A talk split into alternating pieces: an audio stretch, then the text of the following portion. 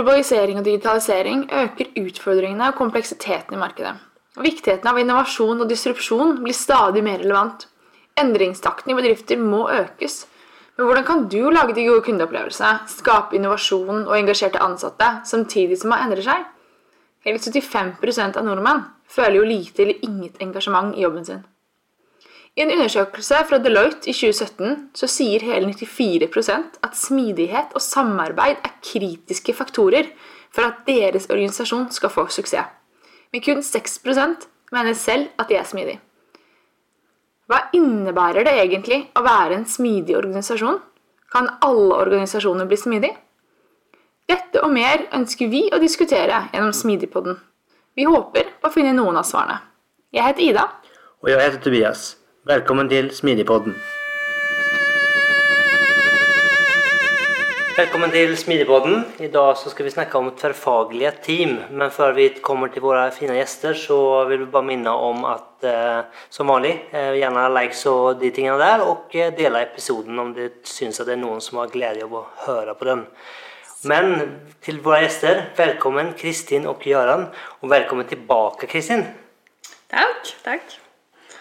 Skal dere begynne med å fortelle litt om eh, hvem dere er? For dere som kanskje ikke, hvert fall ikke husker Kristin, så kan vi begynne der. Uh, ja, jeg um, heter Kristin. Jeg jobber i Riks-TV som uh, smidig coach. Eller agile coach, for vi kaller det smidig coach. Uh, og der jobber jeg med stream, og, eller teamene som jobber med stream og apputvikling, sammen med Gøran. Og Gøran er konsulent fra Beck, faktisk.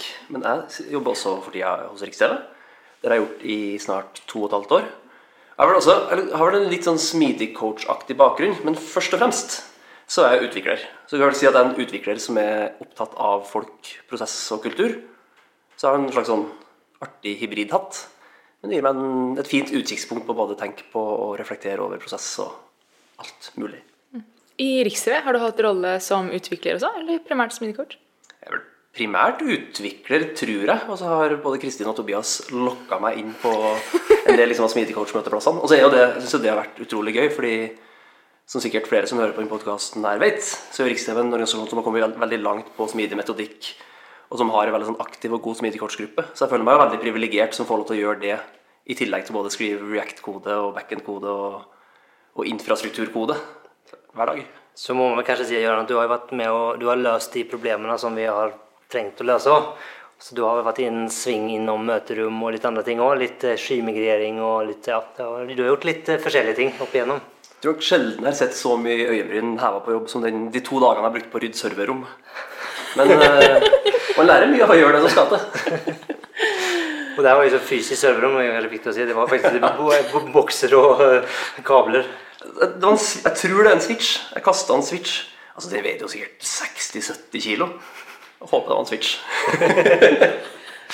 Riks-TV er fortsatt oppe, opp, i hvert fall, så det var ikke noe kritisk infrastruktur som var røykt den dagen. Det var ikke strømmen, så det var sikkert bra.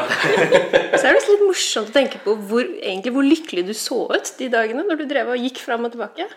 Du så veldig fornøyd ut. Kanskje det egentlig vaktmester jeg skulle ha vært. Ja. Så Kanskje han på feil hylle i livet. Eller kanskje det er perfekt hylle. Liksom, kanskje det er perfekt hylle, ja. Faktisk sånn IT-vaktmester. Ja. Oh. Vi skal vel kanskje komme touche innom uh, ikke bare tverrfaglige team, men kanskje tverrfaglige teammedlemmer. Så du er vel kanskje et uh, eksempel på det etter hvert, ikke sant? Yes, uh, Vi skal jo snakke litt om, om tverrfaglighet, og vi kommer sikkert touche både innom det ene og det andre, og innom både stream og Riks-TV.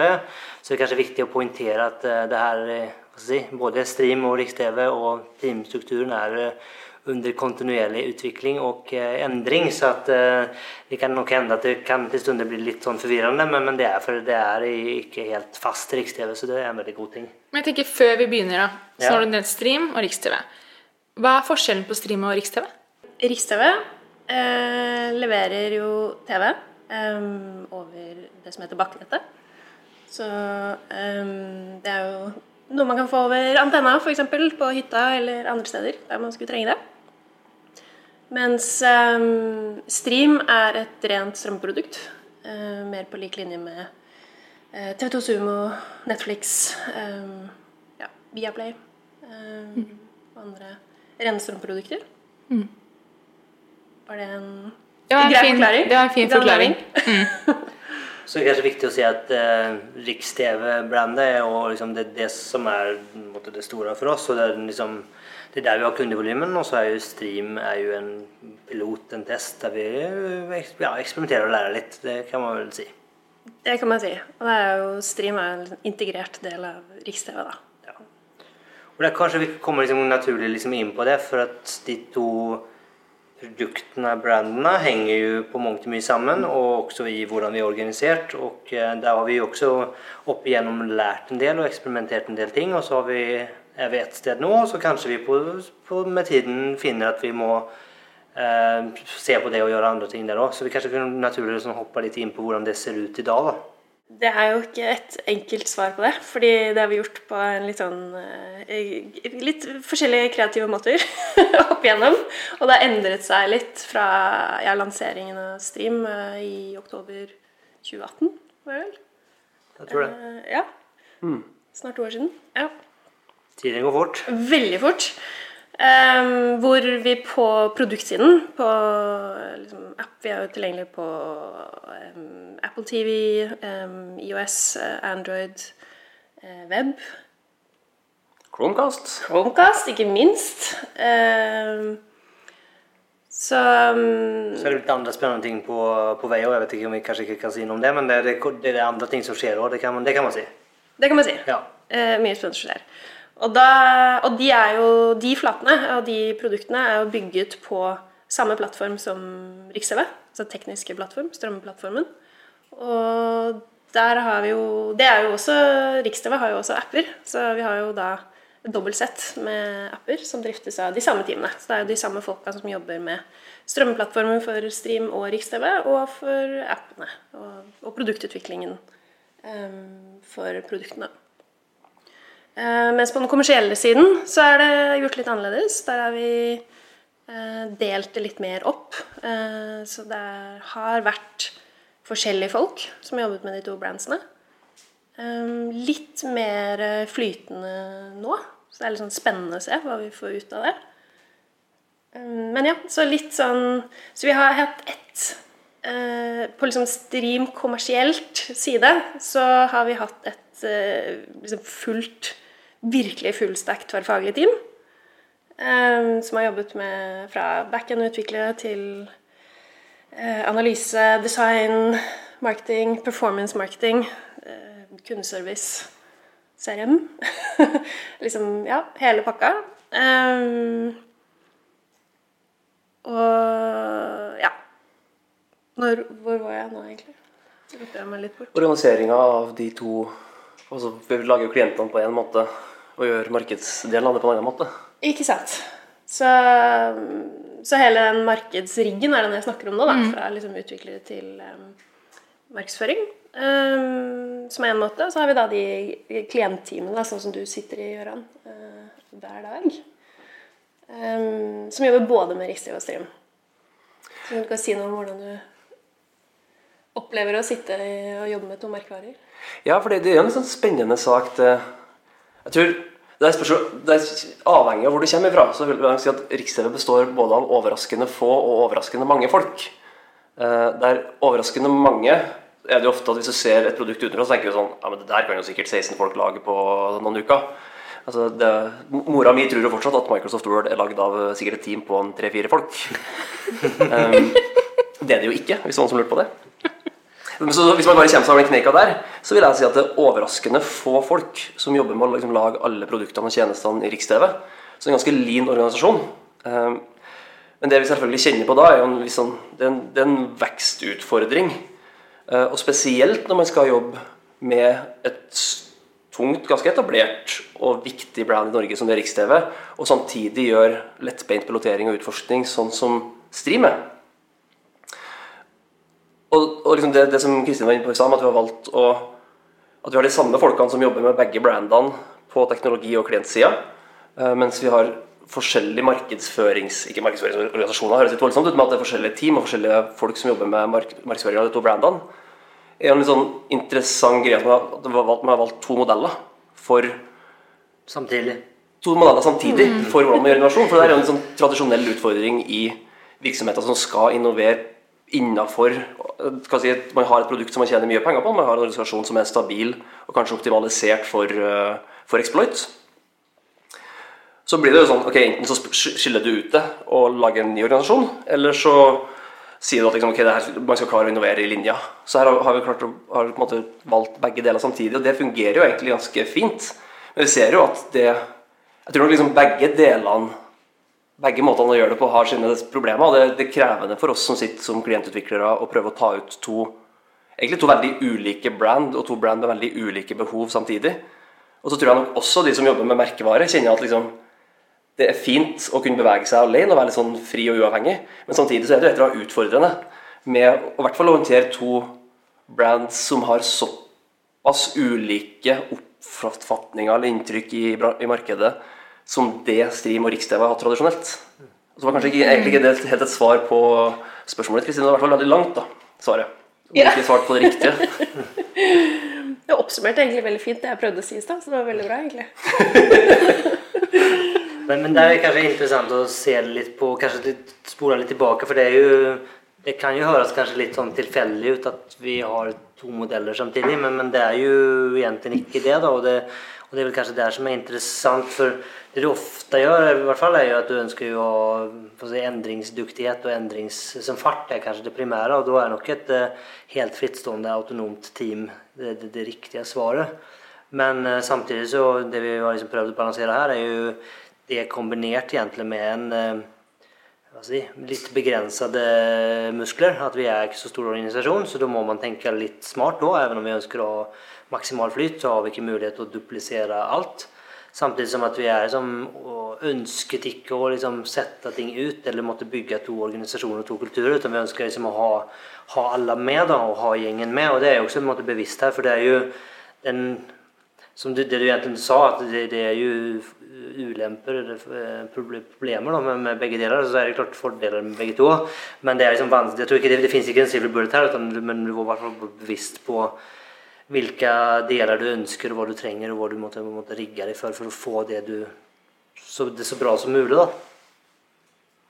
Jeg tror nok det, det, er helt riktig. Og, og, det, og det er vel de helt sånn tradisjonelle greiene man ser på her med at liksom fordelen med, det, med, den delen som er autonom, er at der går det veldig fort, og man innoverer veldig fint. Men svakheten er jo da integrasjon med resten av sjappa. Både liksom dra på, på all den dyktige fagkompetansen som ligger der og for så vidt å sørge for at liksom læringa kommer tilbake til merkevaren, og at ting ikke konvergerer, samler seg over tid. Mens på den andre delen så sliter vi jo liksom med at vi sitter og prøver, altså på den teknologibiten der vi vedlikeholder begge merkevarene med samme folkene, så sliter vi med at liksom det er vanskelig å stå i spagaten og prøve å gjøre begge deler. Men for, så får vi også fordelen av at vi klarer å ta tilbake læring, vi klarer å ta tilbake forbedringer som vi gjør på si, liksom, Forbedringer som vi gjør med streamproduktet, blir også med til Riks-TV-produktet. At Riks-TV-produktet blir mye bedre av at vi jobber med Stream-piloten også. Så jeg tror nok du kan liksom langt på vei si at vi, altså vi, får det vi forventer med begge modellene. Og så tror jeg kanskje den store styrken som Rikstv har med at man, man tør liksom å være åpen og ydmyk på at det her er vanskelig og det er ikke noe fasit. Så nå snakker vi kanskje, for Nå kan det høres ut som vi har gjort et veldig sånn bevisst valg at ja, vi tok det ene der og det andre der. på en måte. Men så har nok det kanskje gått seg mer til til, ikke tilfeldig, men det har gått seg til at man har gjort forbedringer over tid og tilpassa og justert og liksom gjort det som har vært riktig til enhver tid. Så det er også fair å si at vi står på en plass nå som det er ikke sånn det, liksom, det er ikke kaos og masse greier vi trenger å gjøre, men vi er, på, vi er, på, en plass der det er ganske åpenbart for meg at det ikke kommer til å se helt likt ut om tre år. Men at det også er riktig, for det, det ser ikke likt ut nå som det det gjorde for verken tre år eller ett år eller tre måneder siden. Og sånn skal det også være framover. Det er en av de tingene som jeg virkelig setter pris på å få lov til å være med på hos Riks-TV, er at man tør å la organisering være en reise, og tør å være ydmyk for at det er en ting som må jobbes med og forbedres kontinuerlig. Mm, for det er litt interessant eh, refleksjon du gjør der, Gøran. For ofte så, i hvert fall det jeg har opplevd da når jeg har snakket med selskaper, er de ofte opplever at hvis de skal innovere i selskapet og skape noe nytt, så er det sånn de må føle de må ta et valg. da skal vi enten gjøre det sånn, eller skal vi gjøre det sånn? Og så føler de litt at de blir sånn, litt stuck i det, da. Um, men derimot dere har liksom valgt å ha mer rapport, så nå gjør vi det. Og så hele tiden kontinuerlig itererer vi, ser hvordan vi kan forbedre oss, endre oss. Uh, som jeg tror mange organisasjoner kan lære av, da. Det tror jeg absolutt. Og det, det, Det sa jo du og jeg en gang når vi hadde en presentasjon, at du må være si, smidig også med din smidige transformasjon. Og jeg tror det, liksom, det ligger noe, noe der, da, at det, det, er veldig lett å liksom Jeg tror man, man det er liksom vet, det ordet irony, på en måte, at man, man ønsker, å, liksom, ønsker å bli smidig, men måten man skal komme dit, skal man liksom gjøre som en fosterfall med noen mil, mil, milepæler og andre ting. Mm. jeg tror det er nettopp det her. Jeg tror at det, det, er, det her er jo kompleks arbeid i sin reneste form, på en måte. Så, så at liksom at ikke lære og ikke iterere og ikke involvere, det, det, det, kan ikke gå annet enn dårlig, tenker jeg. da. Men vi kommer kanskje liksom litt inn på, for vi har jo Om vi går litt sånn dypere ned, så, så har vi jo en, en, en teamstruktur som er eh, ganske så vertikal. Og, men der vi også liksom har Det fins gode grunner til det, men også der vi begynner å, begynner å se på litt ting. Skal vi liksom er det nat- Jeg vet ikke helt hvor jeg skal skli over dit, men, men eh, vi skal gjerne utdype litt rundt hvordan vi har det, hvordan vi tenker der, og hvordan vi er, og hvor vi ser for oss å kunne, og litt den biten der, da. Ja. Horis- Horisontal, ikke vertikal. vertikal. Vi har en ganske horisontal tidsstruktur. Ja. Ja. Og med horisontal så mener vi jo at vi eh, jobber i liksom team, altså fagteam, da. Eh, Og vertikal mener vi da tverrfaglighet. Um, og det, det som er gull akkurat nå, som, med at vi har kombinert da, en vertikal altså sånn, Kombinere både tverrfaglige team, vi har noen tverrfaglige team, og noen mer sånn fagorienterte team, er jo at da har vi erfaring med begge deler. Og så kan vi lære fra begge deler. Og så kan vi prøve å finne liksom en god miks, da. Um, men det vi prater mye om om dagen, er jo hvor mye skal vi lene oss uh, den ene eller andre veien. Er det riktig for Riks-TV eh, og Strim um, å, dyrke sterke horisontale team? Uh, eller skal vi fokusere mer på vertikale team og optimalisere for flyt, da, og mer, kanskje mer kontinuerlig eh, kontinuerlig liksom, produktteam som kan, kan være mer permanente. For sånn som vi gjør nå, så er vi jo veldig Vi organiserer oss jo etter behov. Og det er jo kjempefint. Og det er jo en kjempestyrke å kunne liksom sette sammen team når vi trenger det. De kan jobbe bra sammen, de kan levere noe. Eh, Men hva skjer da når de oppløses og går tilbake? Eh, Hvem skal da drive det eh, videre, da? Og hvem skal eie det? For vi har jo gjort vi har jo også eksperimentert litt her, og det er kanskje naturlig å ta den fokusteam og måtte dobbel teamtilhørighet og den historien der, kanskje? Ja, det kan vi gjøre. Det, det, vi gjorde jo et slags eksperiment for eh, det er et år siden. Ja. Um, som oppsto egentlig fordi uh, det var jo Det dukket opp veldig mange ønsker om feature teams. Eller det var noen enkeltpersoner rundt omkring i organisasjonen som ønsket seg det. Så var det noen som mente at det var ikke mulig. Vi var ikke rigget, som du var inne på, Gøran. Så er vi jo få folk som skal gjøre mye. Nei, hva var det du sa? Det var, hvis det ikke var det jeg sa, så burde jeg sagt akkurat det. Ja. Noe sånt. um, Men når vi snakker feature-team her, så prater vi egentlig om et tverrfaglig team som, som eier en type feature, altså med på tvers av devices og egentlig ende til ende. ja. Typ litt sånn i alle fall som kanskje man opplever Spotify som. Ja. Ikke sant. De eier søk eller playlist eller hva det måtte være. Ja. Ja. Så, så det ble vel egentlig eh, skutt ned ganske fort, fordi det ikke vil passe til den dynamiske eh, Den måten vi liksom ønsker å være dynamiske i Riksdagen, da. um, men det var fortsatt et stort behov for å optimalisere for mer flyt på tvers av fagområder og mer tverrfaglighet. Uh, da var vi mer horisontale enn det vi er nå. Um, og da, for å liksom kunne teste ut det på en litt sånn ufarlig måte, så sa vi, la vi bare egentlig en eh, slags teamstruktur oppå den teamstrukturen vi hadde. Så vi hadde gode fagteam i bunnen, og så hadde vi en annen teamdimensjon som var tverrfaglig. Så alle var både med i eh, Dette var veldig på utvikler, da. eh, Og design.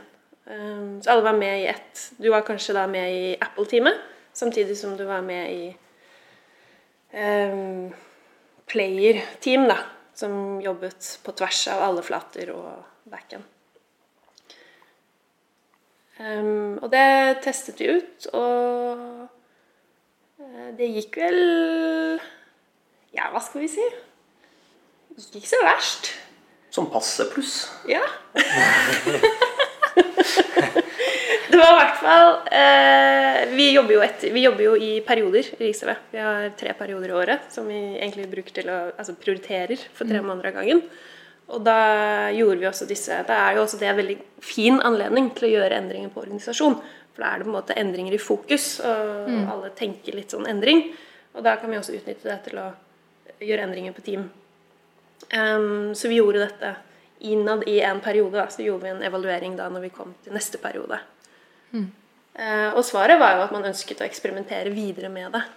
Ehm, og så har det egentlig levd litt sånn Hatt sitt eget liv, egentlig, siden da. Litt sånn i andre halvdel, andre, andre halvdel i fjor. Uh, og så er det jo nå står vi og tenker litt sånn uh, Å ta det litt opp igjen, da. Og tenke um, For nå er det jo helt klart det horisontale som er vekter, som vi vekter eh, tyngst. Og så lurer vi på om vi burde lene oss mer mot det vertikale. For meg så har det blitt ganske tydelig, tror jeg har reflektert over det mer enn jeg har gjort tidligere i karrieren, hvor tydelig det der er et valg i en organisasjon. Altså om du organiserer teamene dine primært etter funksjon og forretning, som da typisk er de vertikale teamene, eller både fag og teknologi, da, som er de horisontale. Og at det der er noen ting som uansett hvordan du velger å gjøre det, vil være i konflikt med hverandre til en viss grad. At det er, for meg som utvikler, så er det, det er digg å sitte i team med de andre som også kan web og er opptatt av web, fordi det, det er liksom mitt gode fagmiljø, og det er folk som jeg naturlig snakker bra med. Mens vi sammen vil ha en veldig begrenset evne til å levere uh, ende-til-ende-features, fordi det krever liksom endringer i plattformen. Og det er en ting som i hvert fall kjennetegner Riks-TV vel så mye som andre organisasjoner har jobba med før. At vi har en ganske komplisert backend og en ganske stor bredde i klientene våre. Sånn at det er ganske, ganske mye spesialisert teknologi involvert i leveranse av et godt eh, TV-produkt. Eh, Og det gjør det enda vanskeligere enn jeg har vært med på før. I, sånn, for å si det, litt sånn generiske stekker, teknologistekker. Sånn at hvis man det jeg har gjort før er jo mye, men Du leverer en webapp på toppen av en Java backend og en database. Så er det litt sånn, Der kan du ha en to-tre utviklere, så har du egentlig dekt liksom hele fagbredden. Mens i å levere TV-produkt så er det veldig mye mer forskjellige fagdisipliner involvert. Så det er ganske vanskelig å finne de der gode forretningsnære slicene gjennom absolutt all teknologien vi trenger for å levere, for å levere nye, ny funksjonalitet eller nye, nye produkter.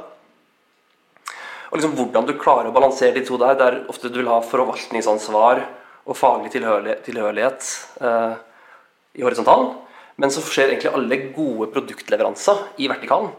Og det, det jeg har tenkt mye på, som vi har begynt å jobbe mye med Kristina, er at uansett hva du velger å organisere deg så er det sannsynligvis det andre som kommer til å være innmari vanskelig. At nå har jo vi vært horisontalt øh, organisert ganske lenge. Og da liksom, Vi er gode på fag, og vi er liksom gode til å optimalisere flyt innenfor en klient og innenfor en del av plattformen. Mens vi sliter med å liksom ordentlig ordentlig få til god innsiktsdrevet ende-til-ende produktutvikling. Uh, og men så ganske, jeg har også vært tidligere i organisasjoner som har vært tydelig produktorganisert. Og har, da har vi selvfølgelig slitt med liksom å finne et godt forvaltningsansvar og, og få liksom et godt teknologimiljø, et godt fagmiljø. Så det er jo kanskje en ting som de designerne som hører på, kjenner igjen at hvis design, design splittes opp og plasseres rundt i alle teamene, så sliter man liksom å få et godt enhetlig faglig designmiljø. Mens hvis du plasserer designerne sammen i en gruppe, og så liksom bare leier dem litt ut i korte oppdrag til utviklingsteam eller til, til produktteam, så vil du slite med å gjøre god produktutvikling. Og at de to der, det, liksom, det fins ikke noen god fasit på hvordan du gjør det. Og da var det du Kristin, som nevnte så vidt Spotify-modellen i stad. Stemmer det? Eller var Tobias? Anyways, så- jeg synes at Spotify-modellen gjør nok verden en bjørnetjeneste med å liksom late som de har funnet en, en fasit på det der med tribes. Og de, der, de, de, liksom, de later som ok, men gjør du de der, så blir det bare bra uansett. Og så er jo det det begynner å lekke ut en del av fra Spotify nå, er jo at det er jo ikke noe lett i Spotify, og det funker ikke noe bra. De sliter med rigide team, de sliter med det er bra man kaller det tribe, de sliter med tribalism mellom teamene sine. At teamene blir veldig sterke og havner i opposisjon til hverandre. Så det jeg skal ønske, er kanskje at flere liksom bare kan anerkjenne at det der er supervanskelig, og det er uansett hva du velger å gjøre, så kommer du minst til å kjenne på liksom én ting som du ikke er optimalisert for organiseringa di, som gjør vondt. Uh, og det, det synes jeg er gøy i Riksrev, at liksom, det anerkjenner at det der er supervanskelig. Og det står vi i. Og det kommer litt tilbake til den silver bullet. altså, Det er, ikke, det er en trade-off. Og det du ikke har fokus på, eller det du ikke har optimalis optimalisert for, det er det som du kanskje måtte føle gjør vondest. Og så er det hvordan klarer du liksom å balansere det her og finne det som er riktig for deg. Og det, det er vel også, som jeg opplever i hvert fall i Riks-TV, at ting ting er i konstant endring. Så er jo liksom Bare for at det har fungert en gang, eller man har funnet noe som er ganske bra, så betyr ikke det at det varer for evig. For allting fortsetter jo å endre seg og bevege seg. Så plutselig så har liksom havna at det som var ganske bra, fungerte ganske bra, ikke helt fungerer så bra lenger, for ting har endra seg. Så det blir jo også en konstant jakt på det mest på det riktige. da. Ja, Det er kanskje en spennende lederutfordring i en sånn verden. at du kan si Det du, det du organiserer teamene dine rundt, det fikser som regel teamene ganske bra. Og så blir da lederutfordringa å jobbe langs den aksen du ikke har naturlig i organisasjonen din. At, og det er som med all annen lederjobbing, at en veldig stor del av det er å oppsøke ubehaget i organisasjonen din, og oppsøke de områdene som fungerer dårligst og som er vanskeligst å ta tak i. Og at det er der vi som ledere må jobbe.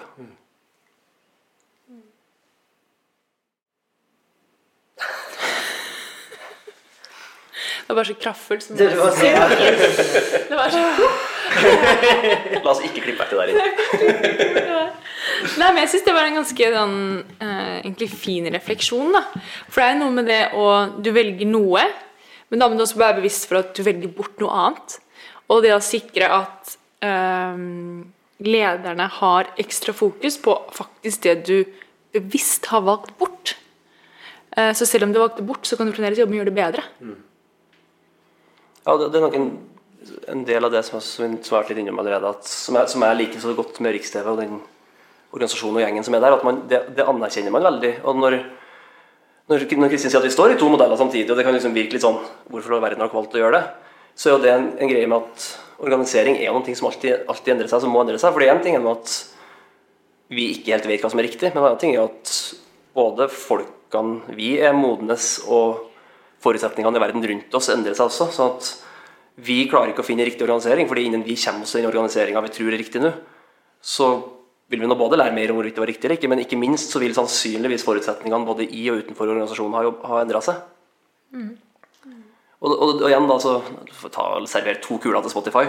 At, derfor det er det så dumt at, at, at så dyktige folk og så bra selskaper som Spotify tillater seg å snakke som de har funnet en fasit.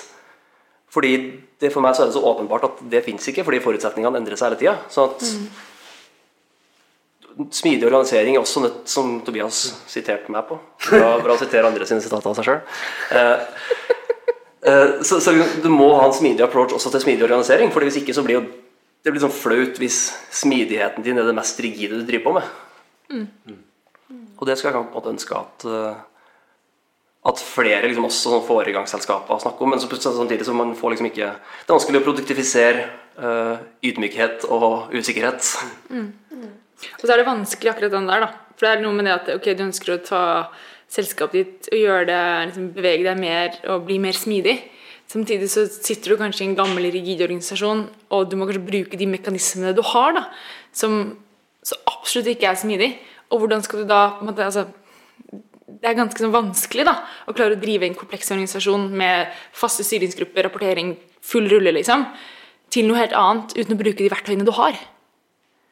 Um, Jeg tenkte på det da jeg hørte Beyond Budgeting-episoden med Helena og Kristoffer.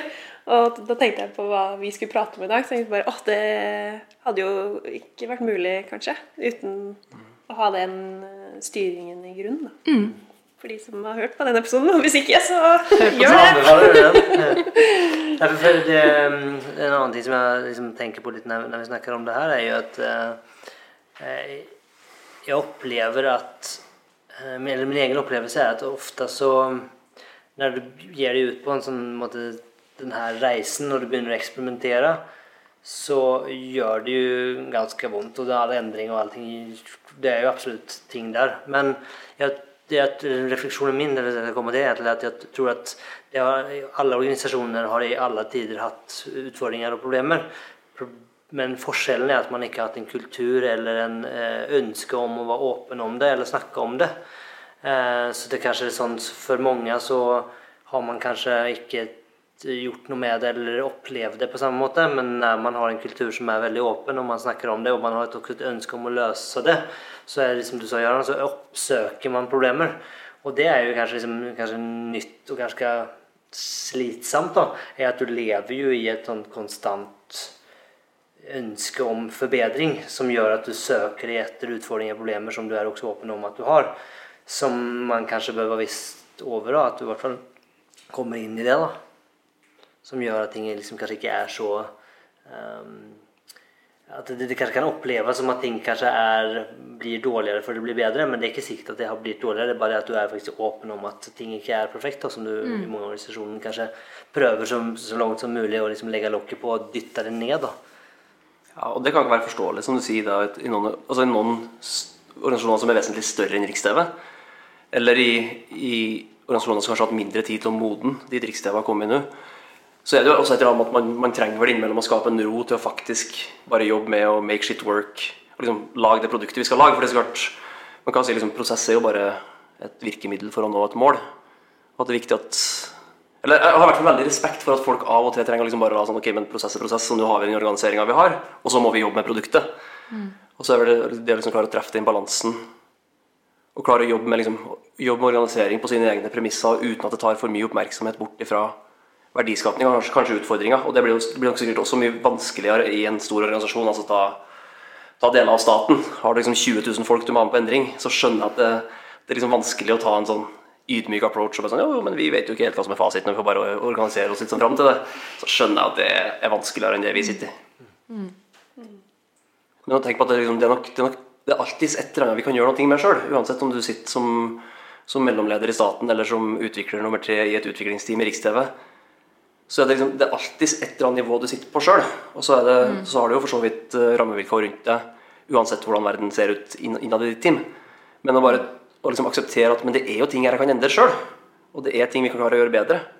Og så er vi, er vi jo veldig heldige i Riks-TV som for så vidt har både, både ledergruppe og så vidt jeg forstår et styre også, som anerkjenner at det der er ting som trenger å være i, i fluks. Og det, det, gjør at vi har et veldig sånn fint spillerom for å jobbe med det. Mm. Da kommer kanskje liksom også til det du har påvirkning på. for Det, tenker liksom, det som slår meg her litt, er jo også at vi snakker om vi har snakket om del om team og tverrfaglige team, men du kan jo også snakke om tverrfaglige eh, teammedlemmer. da, Og det er jo definitivt noe du har påvirkning på selv. Um, så jeg vet ikke om vi kunne liksom, Har dere gjort noen refleksjon der, og liksom hvordan det henger sammen? For det er også at jeg tenker at det er både kanskje en nødvendighet et, hvert fall etter hvert for å få et tverrfaglig team til å fungere. I hvert fall liksom skalere og være dynamisk, men kanskje ikke naturlig sted å, å, starte. Og det kanskje også Jeg opplever også at det er noe, noen ganger så er det noen misforståelse når man prater om tverrfaglige team. Så, så, blir det veldig fort at alle skal gjøre alt, og du skal liksom, ingen skal kunne være god på noe. og sånne ting. Som, kan jeg ha noen refleksjoner og erfaringer der? Jeg tror i hvert fall at jeg, jeg, tror Du har ikke løst så veldig mye, kanskje, hvis du setter sammen et tverrfaglig team, og du fortsatt har handovers innenfor det teamet. på en måte. Mm. litt sånn at folk sitter og venter, og det skaper seg liksom køer innad i det tverrfaglige teamet. Um, samtidig så skal jo folk få lov til å være gode på det de er gode på, å ha sine fagområder. da. Uh, jeg tror du trenger en miks, kanskje. Og som du sier, så handler det jo mye om modenhet. da. Mm. Og kanskje riktig nivå til riktig tid.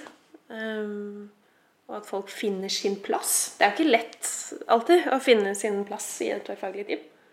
Um, så ta seg tid til å gjøre det. Det det jo også en, en, investering, tenker jeg. da, at du skal, Om du skal bli bedre på noe som du ikke er så god på, så vil jo det sannsynligvis ta lengre tid. I hvert fall i starten. Så det er kanskje noe med å faktisk få lov til det. da. Jeg skulle kanskje ønske også at flere flere blir bevisst verdiskapninga til sitt eget team. At Det er liksom fort gjort, og det er jo helt fair også, i hvert fall tidlig i en karriere, at man er veldig sånn fokusert på eget arbeid og egen verdiskapning. altså Som for en utvikler er sånn, jeg er fokusert på min egen kode, og den koden skal være bra, og jeg skal levere kjapt. på en måte. Men at flere begynner å øve seg på å fokusere på, liksom, på i hvilken grad skaper mitt team verdi? Og så vet jeg at Det er veldig vanskelig, for det, det å skape verdi er en sånn greie som kan kaste på et team, og som er utrolig vanskelig å si at man klarer å levere på. Men i hvert fall å fokusere, fokusere på outputet av teamet. Det er en ting som sikkert er gjenkjennbart for de fleste, er å samarbeide mellom en utvikler og en designer, som fort kan bli sånn Designeren sitter og designer etter av designverktøy, leverer det til utvikleren, sitter og implementerer det, og så pingponger det litt, og så er man ferdig. Men jeg tror alltid de gangene jeg har jobba i team der utviklere og designere sitter sammen, og utviklerne lager sånn halvstygge førsteforsøk på design sjøl. Designeren kommer inn og så liksom, ok, men hva om vi gjør det litt sånn, så flytter man litt rundt, og så ser man på hva som på en måte en, treffer en bra miks av godt design og ting som er egnet til å løse på den måten i den teknologien man bruker. Det gir jo en helt annen verdi. og jeg, Den typen samhandling tror jeg gjelder på tvers av mange flere fagfelt enn det man klarer å utnytte i dag. Det, så det, liksom, det å løfte fokuset liksom bort fra detaljene ved eget fag og over på hvordan kan vi som et team levere bra ting sammen, det skal jeg liksom ønske at flere gjorde. Og kanskje enda en i forlengelsen av det, hvordan kan vi som organisasjon eller selskap faktisk levere verdi? For det er jo det er jo ikke sikkert at vi leverer mest verdi gjennom eller jeg, til og med kan snu på det. Jeg er helt sikker på at vi ikke leverer mest verdi gjennom at alle er mest opptatt. Eh, så det er noe med det, da. Og det, det er kanskje noe hvordan man selv måtte si, vurderer, vurderer sin egen innsats og arbeid. At du må kanskje bidra på ting som du ikke er så god på, eller du må kanskje hjelpe andre eller støtte andre for at det er, liksom, totaliteten er viktigere enn, en at du nødvendigvis er, er opptatt eller gjør det du er best på. Mm. Og der tror jeg av og til kanskje vi, vi i industrien gjør oss sjøl en bjørnetjeneste med at vi, vi oppdrar jo veldig For meg så blir det veldig naturlig å snakke om utviklere, men altså, vi oppdrar jo veldig utviklere til å fokusere på produktivitet. Mm. Og Jeg husker jo sjøl liksom, da jeg begynte å få lederansvar for noen år siden. Så I starten så sleit jeg veldig med en sånn følelse av en dag uten mange commits var en dårlig dag på jobb. Mm. For i dag har jeg liksom åpenbart ikke produsert mye. Og og det der kommer jo fra plass. Det er jo, det er jo ingen som kommer inn med en sånn antall kodelinjer per dag. Det er liksom det viktigste målet. Men samtidig så skal det der, det der har vi jo klart å skape industrien. Jeg tror jeg, Senest rett før sommeren så snakka jeg med en utvikler som, som snakka om den følelsen der. Sånn, men det å bruke tid på å hjelpe andre Jeg vet jo det er viktig, men jeg føler at jeg, liksom, jeg får ikke produsert noe. Og da få tatt den gode praten om men hva, liksom, hva er egentlig definisjonen av verdi, og hva er egentlig viktig produksjon. At det ikke nødvendigvis er antall kodelinjer. Det, det, tror jeg også gjelder for mange fagfelt. At vi blir så og Sikkert gjennom skolevesenet og karakterer og tidlig jobbing som junior i forskjellige organisasjoner, så, så blir man vant til å måle seg sjøl på sitt eget output. Og det er liksom den viktige verdiskapinga. Mm. Du blir kanskje ikke målt på output. Du blir egentlig målt, eller kval, ikke kvaliteten av outputen din, du blir målt mer på kvantiteten. da. Ja, for eksempel, jeg kan snakke for tidligere konsulent. Jeg ble målt på antall timer jeg fakturerte, ikke kvaliteten av hva jeg leverte. Som er helt feil. Jeg tror, tror det finnes så, ting at man, man blir, ja, fordi output er et ord som heldigvis betyr, har begynt å bety noe annet enn liksom bare hvor mye mm. kode du putter ut. ja, for der er det jo til og med nesten input. da. Ja. Du blir målt ikke engang på outputen, bare på inputen. Ja, omtrent, ja. ja. Så hva som kommer ut av det, er helt uh, sekundært. Mm. Og, et, ja. og det blir vi jo på en måte lært, sånn som du sier, Ran, fra vi går på skolen. Det er noe de ønsker å legge til før vi begynner å runde av? Jeg tror det der med um, å la det være en liksom kontinuerlig bølge mellom å Finne balansen mellom mer tverrfaglighet, mer faglig fokus. Jeg syns jo designgruppa i Rikstad var et glimrende eksempel på noen som satt i hver sine team og selv tok initiativ til et fagsamarbeid som var høyst nødvendig for å sikre liksom, design på tvers. Eh, og nå ser vi at vi har et eh, Vi mangler litt eh, på samarbeid mellom design og eh, utviklere. Um, så nå er, nå er, de opptatt av det mer tverrfaglige igjen. Mm. Så det der Både å lene seg Variere om man lener seg mer mot det vertikale eller horisontale, og, og at forskjellige fagområder og forskjellige områder har forskjellige behov til forskjellige tidspunkt. ja. Jeg synes det er et veldig, veldig, veldig godt eksempel det med den designgruppa. For det illustrerer egentlig hva som skjer i liksom alle, langs alle fagdisipliner over til forskjellig tid i de aller fleste organisasjoner. At har, behovene endrer seg fordi liksom, både fordi det skjer ting rundt deg, og fordi du blir god til den tingen du gjør og du har fokusert på lenge. Men samtidig så skjer jo på en måte alt det på bekostning av noe annet. Så det er sånn som den designgruppa har gjort med at de i perioder har liksom snudd på hva de fokuserer på. At det er kanskje noe flere burde være gode på. Men da, samtidig så krever jo det den ydmykheten i organisasjonen og modenheten blant lederne over det teamet som sitter og gjør de avgjørelsene om at men man får lov til det. For det har jeg vært med på noen ganger at det ses liksom på som en fiasko hvis du er nødt til å endre på organiseringa di, for det betyr at den forrige organiseringa var feil. Men hvis du bare anerkjenner at det der er, det er en prosess, og det fluktuerer Sånn at du kan egentlig si at når du endrer på organiseringa di, så er egentlig det en suksess, all den tid det oppleves som udramatisk at du gjør det.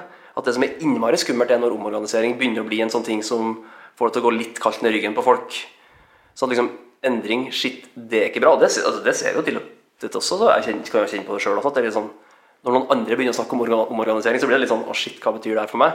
Mm.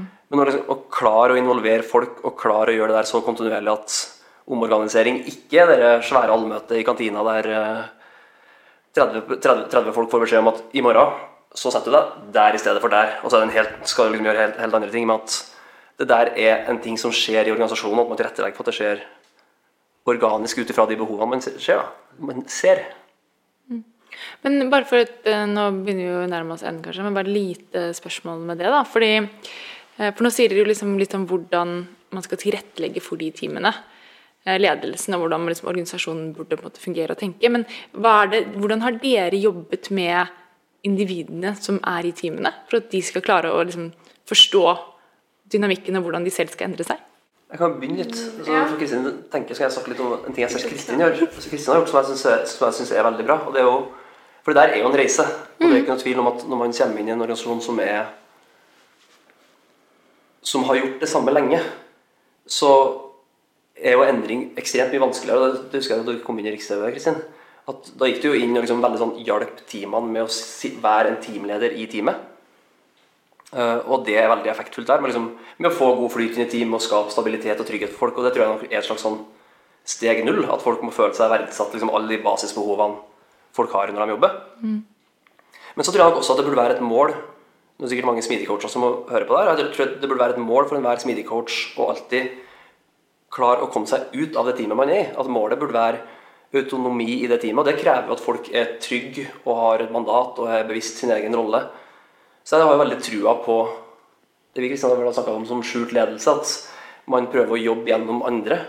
Og der har jeg litt sånn trua på å prøve å plukke ut enkeltpersoner som man vet er interessert, og så coache dem og liksom la dem vokse opp og ta roller. Og, sånn, og da gjerne bli, om de en dag blir smidig coach, eller om de blir fagfolk med interesse for prosess, det, det kan, kan liksom variere. Men at som smidigår så tror jeg man skal, man skal jobbe problemfokusert. så liksom, Vi jobber med det som er ubehagelig. Det er liksom det kjipe med den jobben.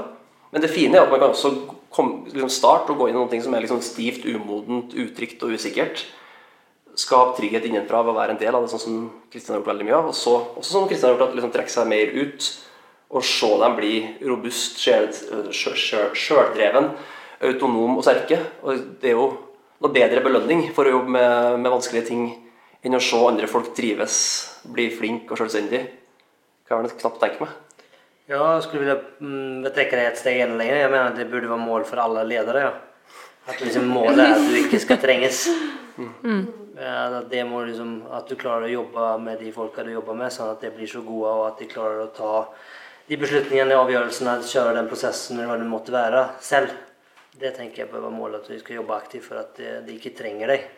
Uh, uavhengig om du har tittel smidig coach eller om du er head off eller hva du nå måtte ha som tittel, så tenker jeg det bør måtte være målet at du jobber, jobber deg dit. At du, de ikke trenger deg. Og ikke Jeg tror dessverre at det er mange som kanskje jobber hardt for at de trenger deg, og det tror jeg er eh, veldig synd og veldig dumt. Mm. Så er det jo å bygge trygghet, da. Mm. Som er ja, Du må ha den tryggheten i bunn. Um, uten den så er jo dette blir veldig vanskelig. Hvis du ikke har den tryggheten og tilliten i bunnen, da. Så jobb med det. Og så som vi har vært inne på kanskje flere ganger da. Du må kanskje dele entusiasmen for problemer. Og liksom Yay, vi har funnet et problem! Sammen! det er gøy! Nå kan vi løse det. Eh, mm. Det tror jeg er viktig.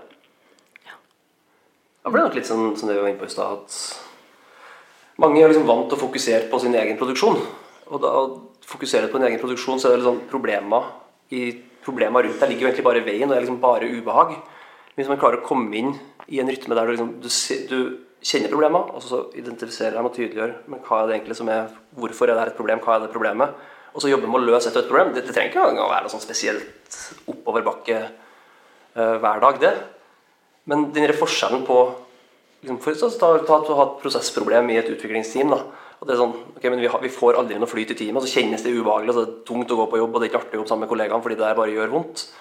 Men hvis du klarer å tydeliggjøre hva er, liksom, hva er det problemet, hva kan vi gjøre for å løse det, og så gjør man inn i en sånn kontinuerlig trend der ok, men hva hva er det verste vi har med prosessen vår nå? Ok, vi er, vi er dårlige på å spesifisere oppgaver på en måte som gjør at alle i teamet kan ta dem.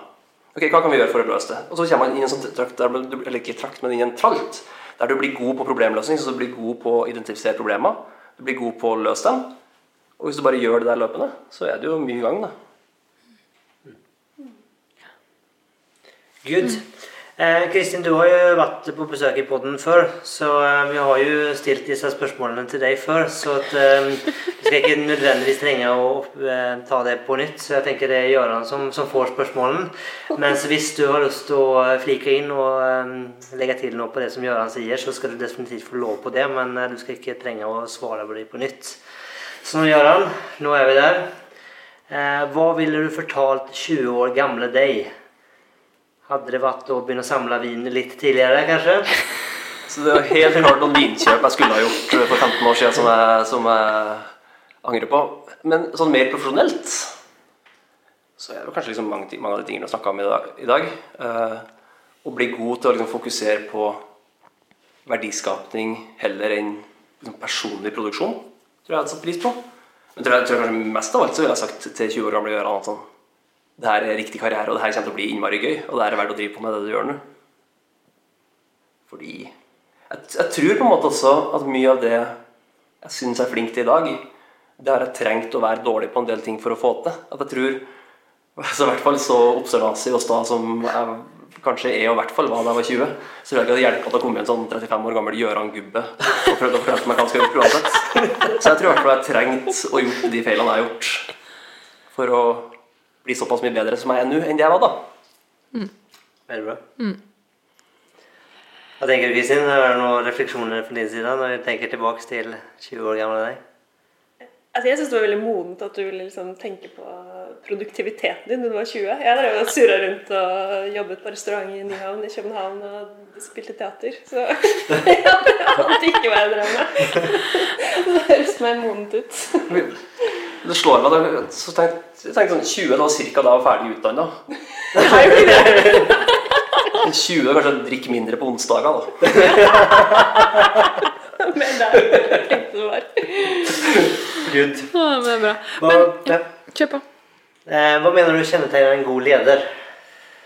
Det har vi nok også vært litt inne på, men jeg tror det med å se etter hvor i organisasjonen det er utfordringer, og være villig til å ta eierskap sjøl til alt det som er vanskelig. Altså ikke eierskap som nødvendigvis er den som løser det, men oppsøk de svake punktene hele tida. Det tror jeg er bra.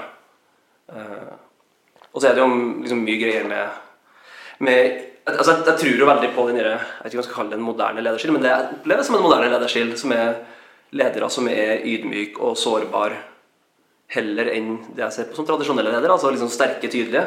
Så jeg liker veldig den ydmyke, utforskende servant leadership-lederstilen. Og så tror jeg, tror jeg ikke det egentlig trenger å gå på tvers av de gamle verdiene, men at det er et veldig fint supplement til den tydelige lederen. For de ledere som er for servile, det er ikke sånn kjempegøy å forholde seg til. Men ledere som klarer å, å switche ganske godt imellom de to eh, posisjonene, det setter i hvert fall veldig, er veldig pris på å ha rundt meg. Good. Hva vil du gi som tips da, til de som ønsker å etablere en mer smidig kultur? Hør på Smidigpodden.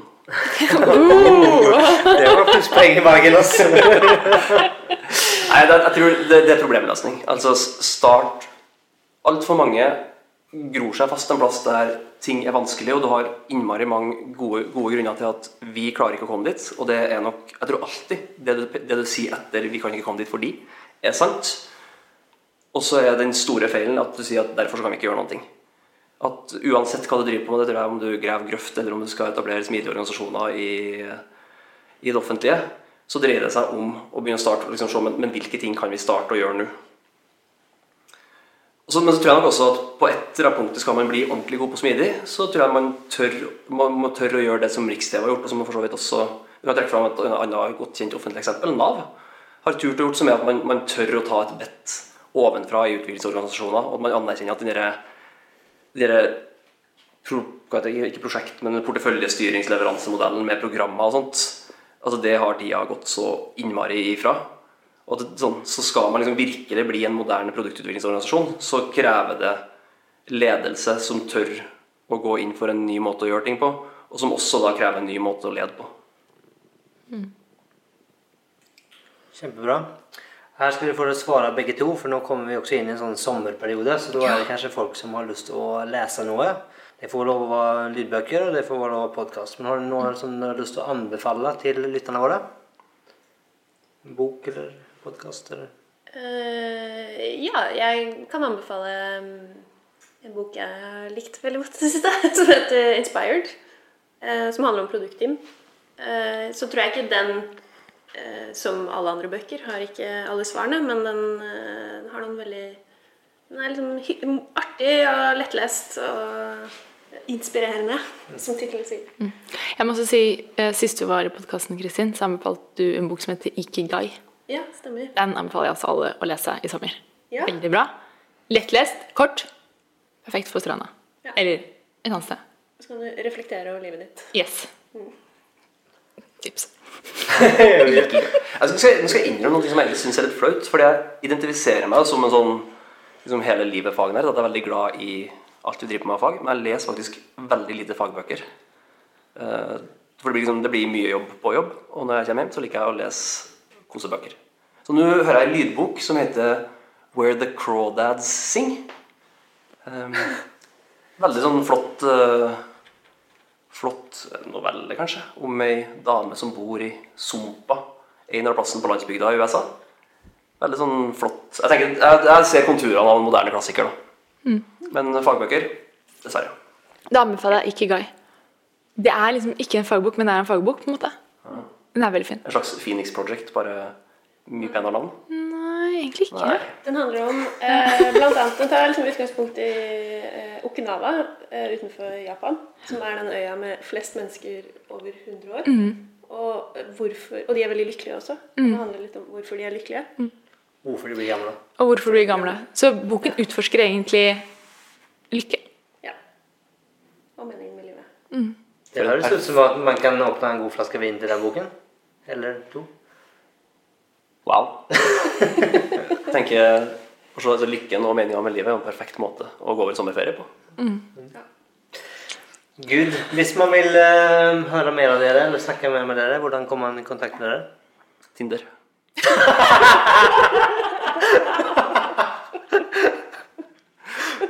Jeg går for LinkedIn, jeg. det er litt kjedelig. Hvis du ikke finner meg på Tinder, så bare ta kontakt gjennom LinkedIn til Kristian. Du har meg på Tinder.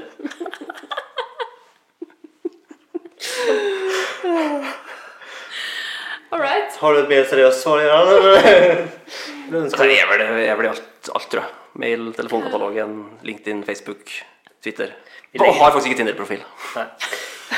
Gøran er ikke tilgjengelig på Tinder, men på LinkedIn så vil vi legge, en, legge inn en lenke til Gørans profil på LinkedIn, tenker jeg. Yes, det er supert. Yes. Kan man linke til Tinder-profil? Jeg. Spør, spør du for en venn? Jeg blir bare nysgjerrig. Jeg tenker at vi, eh, vi runder av der og Ja, sier eh, takk for oss. Så eh, ha det bra. Ha det bra. Ha det bra! Ha det.